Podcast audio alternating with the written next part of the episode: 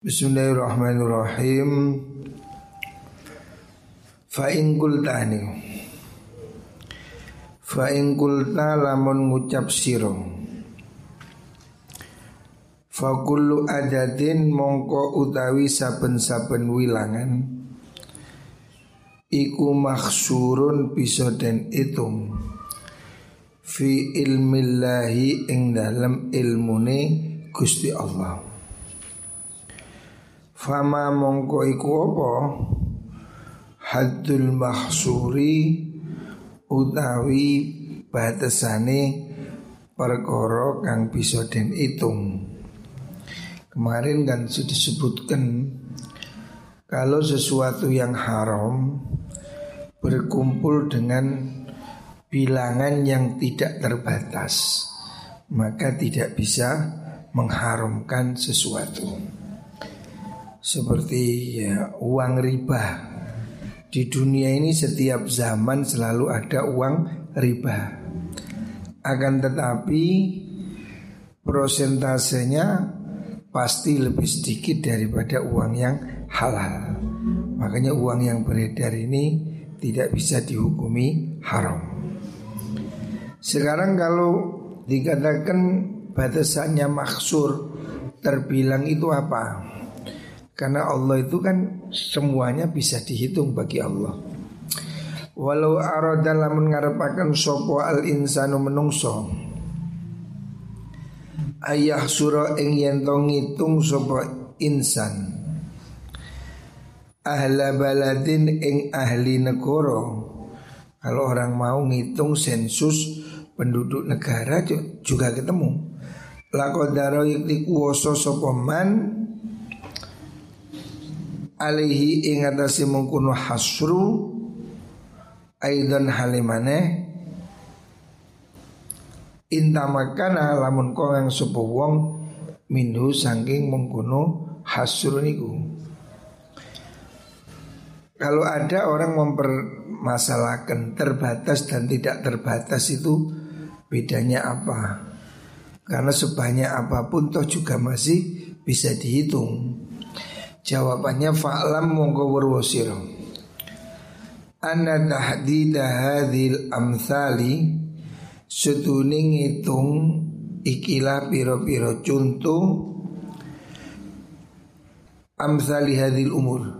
Contohnya ikilah piro-piro perkoro Iku ghairu mungkinin orang mungkin Secara zahir itu sulit. Ya Walaupun mungkin bisa tapi sangat sulit Wa inna ma batu angin bisa angin pestine bisa den pelanggeri bisa diberi batasan apa mengkono? Maksur bitakribi kelawan kiro-kiro ya pendekatan ya perkiraan. Fanakulu mongko ngucap kita kulu adatin utawi sekabehane wilangan Lawi tawa alamun kumpul sapa kullu adadin. Ala so'idin ingatase panggonan. So'id panggonan dhuwur. Wahidin kang siji di sebuah tanah lapangan. La asura yang tidak diangel ala nadiri ingatasi wong kang ningali opo adaduhum ngitung mengkono istimak niku. Nas bimujaradin nadri kelawan muhung ningali sesuatu dianggap banyak itu seandainya dikumpulkan sulit untuk dihitung dengan secara selintas. Contohnya kal alfi kaya sewu wal alfaini lan rongewu fahuwa mongkau tahi mengkono kullu adadin niku asura adaduhum iku ghairu mahsurin kang ora terhitung. Wa maute perkara sahula kang dadi gampang apa ma. Contone kal asrati kaya 10 wal isrina lan 20 fahuwa mongko tema iku mahsurun bisa den hitung Wa bainat tarafaini lan iku antarane arah loro ausatun tai pira-pira tengah-tengah mutasyabihatun kang mutasyabihatun kang serupa. Talhaku kang tetemu apa mengkono ausat bi ahadit tarafaini. Kalawan salah suci ni arah luru maksudnya kolil dan kathir bidhonni kalawan penyono. Wa maudhi perkara waku akang tumibo apa asyaku kemamangan fihi ma ya istafta mongko amri fatwa. Bertanya amri fatwa sopoman kolbahu ing atine man ya. Jadi Imam Ghazali mendefinisikan banyak dan sedikit itu pokoknya sesuatu yang sulit dihitung dalam sekejap. Seribu dua ribu itu banyak. Artinya tidak terhitung tapi kalau sepuluh dua puluh itu berarti terhitung sesuatu yang masih bisa dihitung kalau bercampur sesama bisa dihitung maka itu saknya menjadi kuat lima perempuan mahram dengan sepuluh ghairu mahram. Itu kan bisa dihitung. Dalam kasus seperti itu kalau tidak bisa dibedakan semuanya haram karena subhatnya kuat. Tapi kalau lima orang mahram dicampur dengan seribu dua ribu ghairu mahram, nah, itu sulit. Kalau memang tidak dikenali tidak dilarang, dia boleh memilih satu dari dua ribu itu. Kalau dia ragu-ragu, ini sedikit atau banyak dikembalikan kepada hati nurani. Fa innal isma sutuni duso iku khizarul qalbi. Fa innal isma sutuni duso iku khizarul kulubi. Iku khizarul kulubi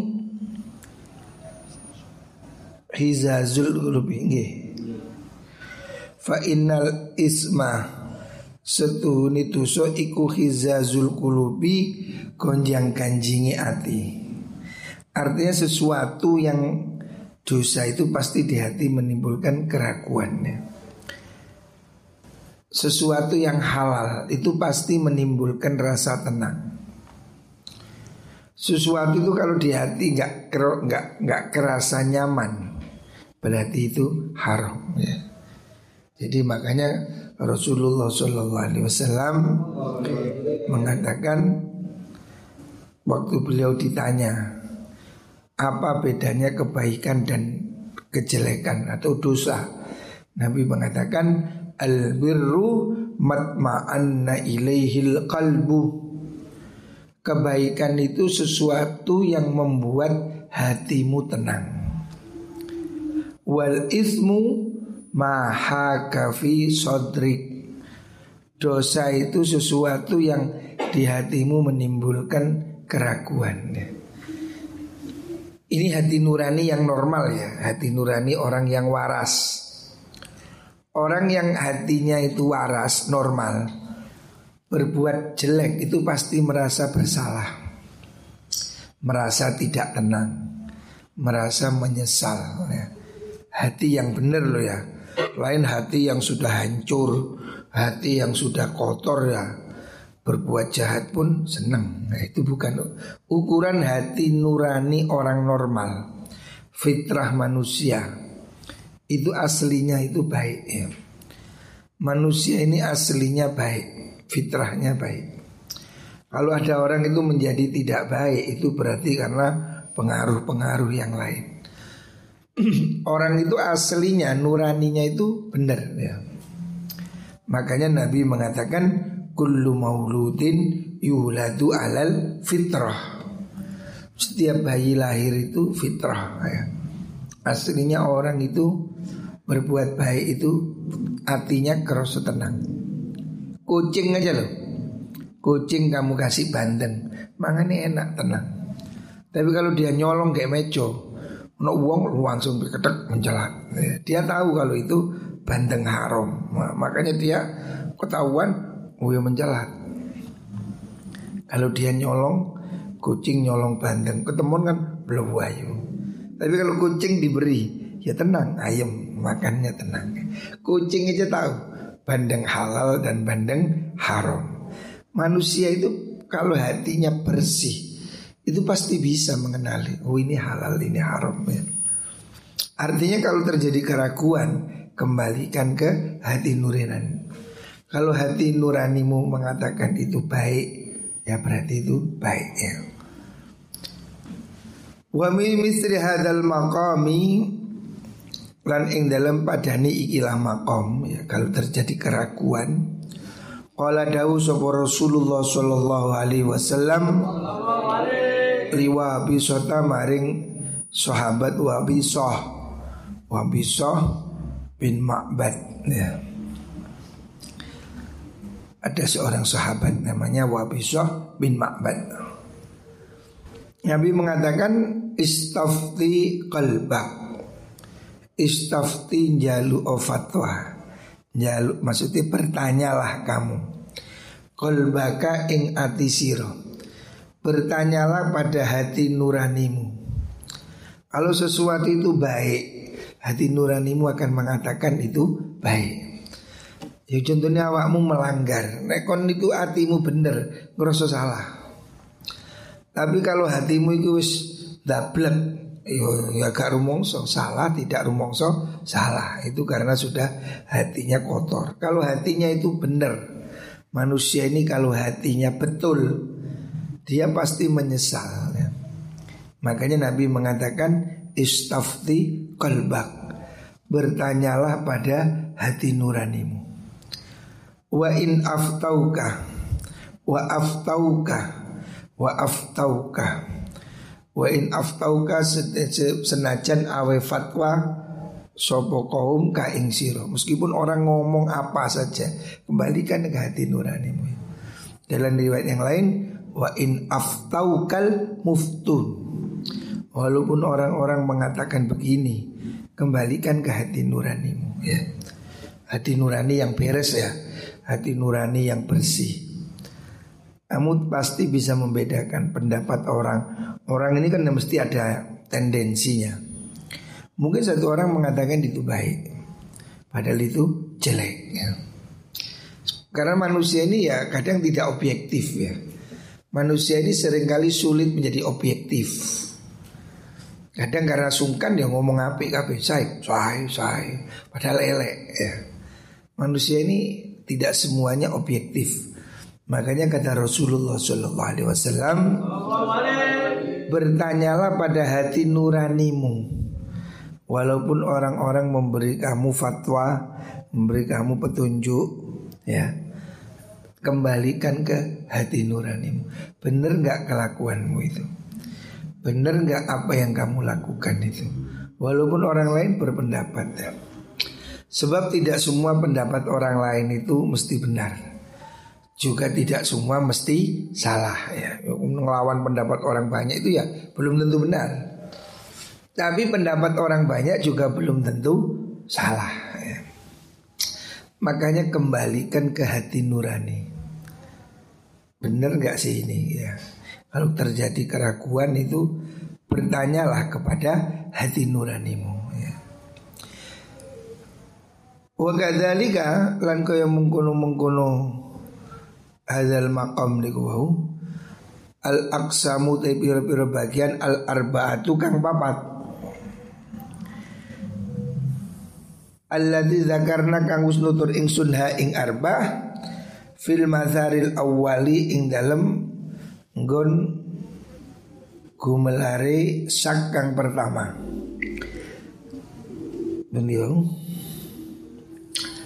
Ya kau kang tumibo fiha ing dalam mungkunu masaril awal. Opo atrofun piro-piro arah? Piro-piro ada kemungkinan sisi kisi Mutakobilatun kang berbandingan yang seimbang. Wadihatun kang pertelo. Fin nafi ing dalam nafi akan wal isbati lan netepaken wa ausatin dan piro-piro tengah-tengah mutasyabihatin kang serupa. Dan sudah disebutkan Imam Ghazali ada empat pemicu keraguan. Semuanya itu kan bersumber dari sesuatu yang kurang jelas ya. Kurang jelas halalnya, kurang jelas haramnya, jelas haram ada kemungkinan halal, jelas haram ada kemung halal kemungkinan haram ya. Subhat. Ada yang ekstrim halal, ekstrim haram itu jelas. Babi haram, wis pastilah sapi halal pastilah. Tapi bakso, nah, mungkin ada keraguan karena yang jualan itu non muslim. Karena itu di daerah non muslim, nah, ada keraguan. Tapi kalau asli bakso sapi halal, bakso babi haram itu jelas. Tapi kalau ada subhat, nah, nah itu kan dikembalikan kepada indikator-indikatornya. Setelah itu dikembalikan kepada hati nurani. Artinya orang bisa saja kemudian menguatkan sakar PDW bisa jadi. Tetapi toh itu melawan hati nurani. Hati nurani yang bersih itu pasti mengatakan yang benar ya. Kalau kita punya hati nurani benar ya. Fal mufti mongko utai wong kang awe fatwa iku yufti paring fatwa sopo mufti bidhonni kalawan penyonong ya. Mufti itu memberi fatwa berdasarkan dugaan ya. Karena dia kan cuma menduga oh mungkin begini. Wa alal mustafti lan iku tetep ingatasi wong kang amri fatwa ayastafti au tayyan amri fatwa sapa mustafti qalbahu ing atine mustafti. Mufti itu hanya bisa memberikan apa yang dia duga. Ya sama dengan dokter. Dokter ini kan yang menduga, oh kamu sakit apa? Perut ini, oh mungkin ini diare. Ya. Dia menduga. Mufti juga begitu. Kamu kalau mengatakan begini dia menduga oh begitu. Nah, pelakunya mustafti ini harus menimbang dirinya benar nggak sih yang kamu omong itu tanyakan ke hati nurani wa inna hakalan lamun gerenjel ya, kalau di hatimu itu gerenjel sesuatu itu tidak meyakinkan gerenjel ya ngerti gerenjel apa gerenjel ya? Ragu-ragu di hati. Fi sodrihi ing dalam hati ini mustafti. Opo syai'un suci-wici? Fahuwa mongko te ikwal ismu dosa. Bainahu antarane wong wa bainallahi antarane Gusti Allah. Sebab orang ini bisa aja pertanyaannya nggak lengkap sehingga mufti memberi hukum yang tidak lengkap. Tetapi dia tidak boleh berpegangan pada mufti itu kalau dia tahu bahwa dia bohong Umpamanya mufti ditanyai bagaimana hukumnya orang mencerai dalam keadaan emosi. Kamu sadar nggak? Nggak sadar. Oh ya nggak apa-apa nggak sadar. Padahal sadar. Nah, berarti kan kamu bohong. Ya. Fatwanya mufti itu kan hanya dugaan sesuai yang dilaporkan. Tapi hakikatnya itu kan kamu tahu, kamu benar nggak sih? Bohong nggak kamu? Kalau kamu bohong berarti kamu itu melakukan dosa antara kamu dan Gusti Allah. Fala yunjihi mongko ora nyelametake di ing wong fil akhirat ing dalam akhirat apa fatwal mufti fatwae wong kang amri fatwa maringi fatwa. Jadi kalau kamu bisa saja mengajukan fatwa dengan data-data yang dimanipulatif sehingga fatwanya mengatakan halal atau haram. Umpamanya orang ini ya contoh hari ini mengajukan sertifikat halal. Kalau dia memalsukan bisa saja sehingga dihukumi halal. Tapi dia kan berdosa ya. Jadi fatwa mufti itu tidak mengikat Sebab dia hanya sesuai yang dia ketahui Sementara pelakunya harus menyadari Hati nuranimu pasti mengatakan yang sebenarnya ya. Walaupun kamu bisa mengatakan lain, tapi kan hati nurani itu pasti jujur. Ya. Kita ini harus bisa berbicara dengan diri sendiri ya. Belajarlah jujur ya. Banyak hal yang mungkin orang tidak tahu, tapi Allah kan tahu ya. Kalau kita bohong, kalau kita tidak jujur, Allah tahu kok ya. Kamu bisa aja bohong, ngomong tidak sesungguhnya. Tetapi kamu kan mendustai dirimu sendiri. Semakin sering kamu berdusta, itu akan membuat hatimu semakin banyak rasa menyesal.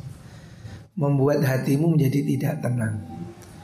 Orang itu kalau tidak jujur, dia pasti merasa takut, takut ketahuan, takut ini, takut itulah. Itu yang membuat pikiran jadi beban.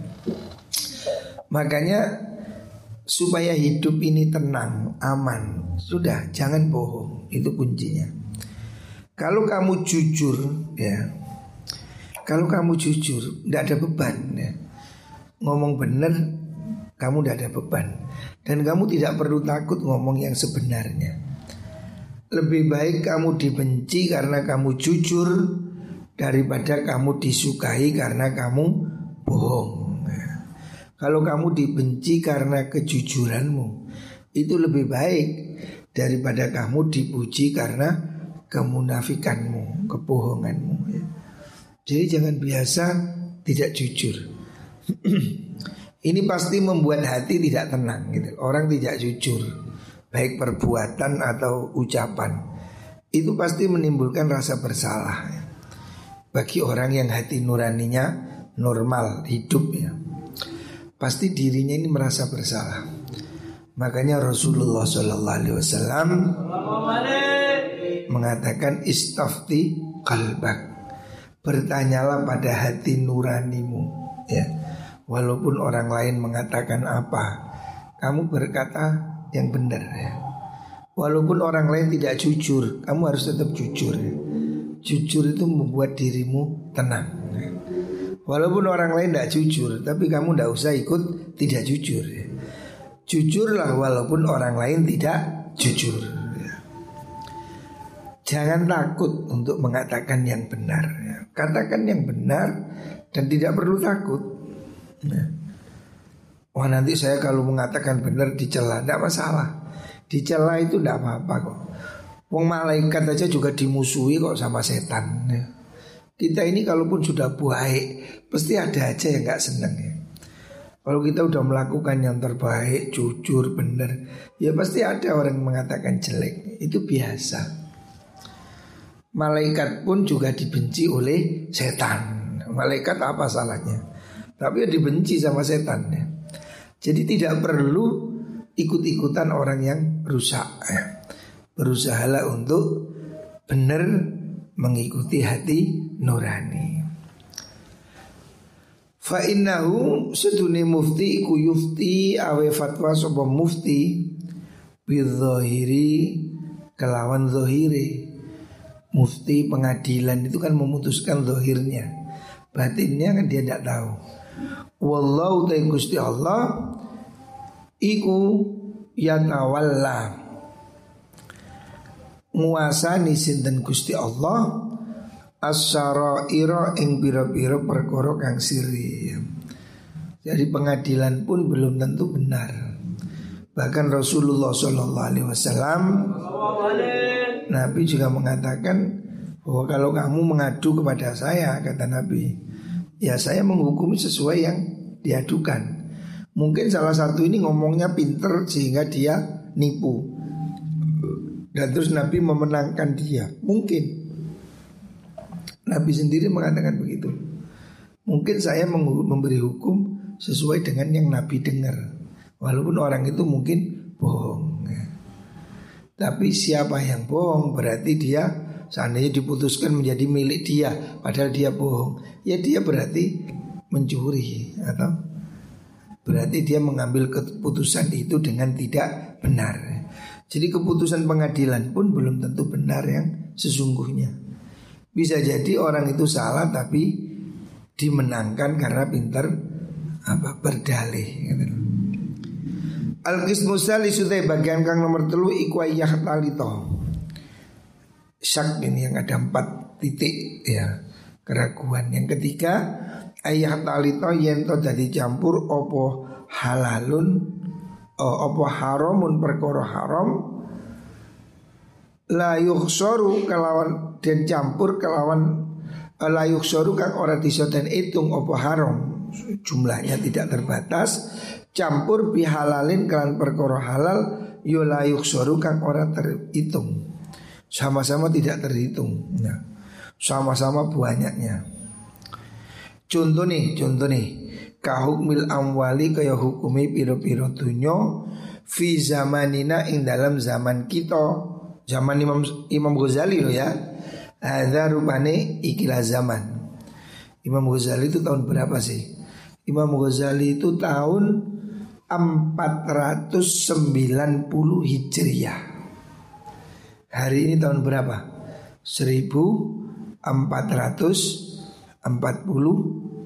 1442 Hijriah. Berarti seribu tahun yang lalu. Imam Ghazali mengatakan harta yang ada saat ini saat dia hidup seribu yang tahun yang lalu itu Imam Ghazali sudah mengatakan campur halal dan haram itu 50-50 Haramnya sudah luar biasa Halalnya juga luar biasa Sudah 50-50 Seribu tahun yang lalu loh ya Orang masih baik Berarti kalau hari ini mungkin Haramnya sudah 90% kira-kira ya Nah zaman Imam Ghazali itu Imam Ghazali mengatakan zaman ini terjadi pencampuran harta halal dan haram secara besar-besaran. Faladhi mengkotai wong Ya'khudhu kang ngalam sopoman al ahkama ing piro-piro hukum Minas suari sanging piro-piro contoh Iku kot ya terkadang nyono sopoman Ana nisbatal ghairil mahsuri Seduni nisbati perkara kang ora kena den hitung. Ila ghairil mahsuri maring perkara halal kang ora terhitung Iku kanisbatil mahsuri Kaya nisbati perkara haram kan bisa den hitung Dan banding ilal mahsuri Maring perkara halal kang bisa den hitung Wakot hakamna temen-temen ngukumi ingsun sama ing dalam kuno panggonan bitahrimi kawan haram. Ya. Imam Ghazali mengatakan sesuatu itu kalau haram sedikit dengan halal sedikit. Cuma dua pilihannya, halal, haram. Campur tidak dikenali yang halal yang ini apa yang ini. Dua-duanya haram menurut Imam Ghazali. Karena apa? 50-50. Ini yang halal yang mana ya? Dia ragu-ragu. Yang jelas satu halal satu haram. Dua-duanya jadi haram menurut Imam Ghazali. Karena apa? Keraguannya 50% sudah. Lah hari ini kata Imam Ghazali Harta yang beredar pada saat itu Saat Imam Ghazali hidup Itu sudah seperti ini 50-50 halal dan haram Berarti hukumnya sudah cenderung ke haram seribu tahun yang lalu. Lalu saya opo. Hari ini kira-kira sudah bukan 50-50 sudah jomplang ya. Di mana keharuman sudah lebih tinggi. Ya. Falnahku mongko becik ngukumi ingsun hahuna ing dilempang kini panggonan bihiklan mengkono tahrim. Tapi walati utai perkara naktaru kang ngukumi naktaru kang mil ingsun hu ing ma. Iku khilafu dzalika nulayani mengkono-mengkono hukum. Wa wa utai mengkono alladzina nahtar. Iku anna uslakuan iku la yahrum wa haram. Bihadal apamal bihadal ikhtilati. Kelawan ikilah percampuran. Ora haram ayat tanawala yang temerkole sepu wong sean ing suci-wici bi ini kawan kahanane syekh Ihtamala kang memper apa anau sunisya iku haramun haram. Wa anau lan sunisya iku halalun yo halal. Illa ayak tarina. Angin yento tadi bebarengan bitikal aini klan mengkunu mengkunu kahanan Bebarengan opo? Bebarengan Bitilkal aini klan mengkunu opo alamatun tondo? Tadulu kang nutuhaken opo alama ala anau ing atas iku minal harami saking perkara haram. Wa ilam yakun lamun ora ono iku fil aini dalam kahanan opo alamatun tetenger tatulu kang nuduhaken opo mengkono alamah ana usine syaiku minal haram sanging haram fatarku mongko te tinggal ma iku waraun sifat wirai wa akhdhu te ngalap ma halalun halal la yafsuku kang ora fasek bi kalan mengkono syai akpo akluhu mangan mengkono mengkono ma. Maksudnya begini ya Imam Ghazali ini menyadari bahwa hari ini ya hari ini saat itu loh ya dunia ini sudah campur harta haram dan halal itu sudah sudah 50-50 dan jumlahnya tidak terbatas kalau jumlahnya terbatas 50-50 kan haram. Ini sama ini. Ini haram apa ini halal? Bingung. Dua-duanya kan diambil haram. Tapi ini sesuatu yang sangat besar bercampur dengan sesuatu lain yang sangat besar. Dan ini ekstrim, campur halal haram. Ya hari ini ya apalagi ya. Hari ini kan harta yang berkumpul di dunia ini ya ada yang hasilnya bertani halal, ada yang hasilnya menukang halal, tapi ada hasilnya pelacuran, ada hasilnya perjudian, ada hasilnya suap menyuap, korupsi. Harta ini udah campur jadi siji, semuanya setornya ke bank. Wis tumplek udah es ya. Sulit dibedakan mana yang halal, mana yang haram. Wong duwe kabeh setor Germo yo setor kiai yo setor Koruptor yo setor Pak Nani yo setor ke situ. Jadi duit hari ini sudah sudah campur baur. Apakah ini semua dihukumi haram? Ya enggak. Karena kalau dihukumi haram, ya sulit kita hidup pakai apa? Oh memang dunia ini sudah riba ini sudah menjadi gaya hidup. Bagaimana? Ya kita Imam Ghazali mengatakan itu tetap halal. Tetapi menjauhi itu lebih hati-hati. Ya. Makanya seperti ayah saya dulu ya. Ayah saya dulu itu pernah jadi pegawai negeri berhenti. Padahal ayah saya sudah pegawai negeri, guru aliyah berhenti. Ya karena ayah saya ngajinya kitab ihya. Ayah saya merasa gajinya itu syubhat. Makanya dia merasa berhenti. Jadi ayah saya tidak mau jadi pegawai negeri, berhenti dia. Karena dia meyakini itu ada syubhat. Walaupun tidak haram, tapi syubhat. Syubhat itu dijauhi lebih baik. Hari ini kalau dihukumi haram, waduh sulit ya. Pegawai negeri itu jutaan. Hidup dari mana dia? ya. Makanya ya tidak bisa dihukumi haram tetapi menjauhi itu lebih baik ya. Semoga-moga kita masih diberi harta yang halal.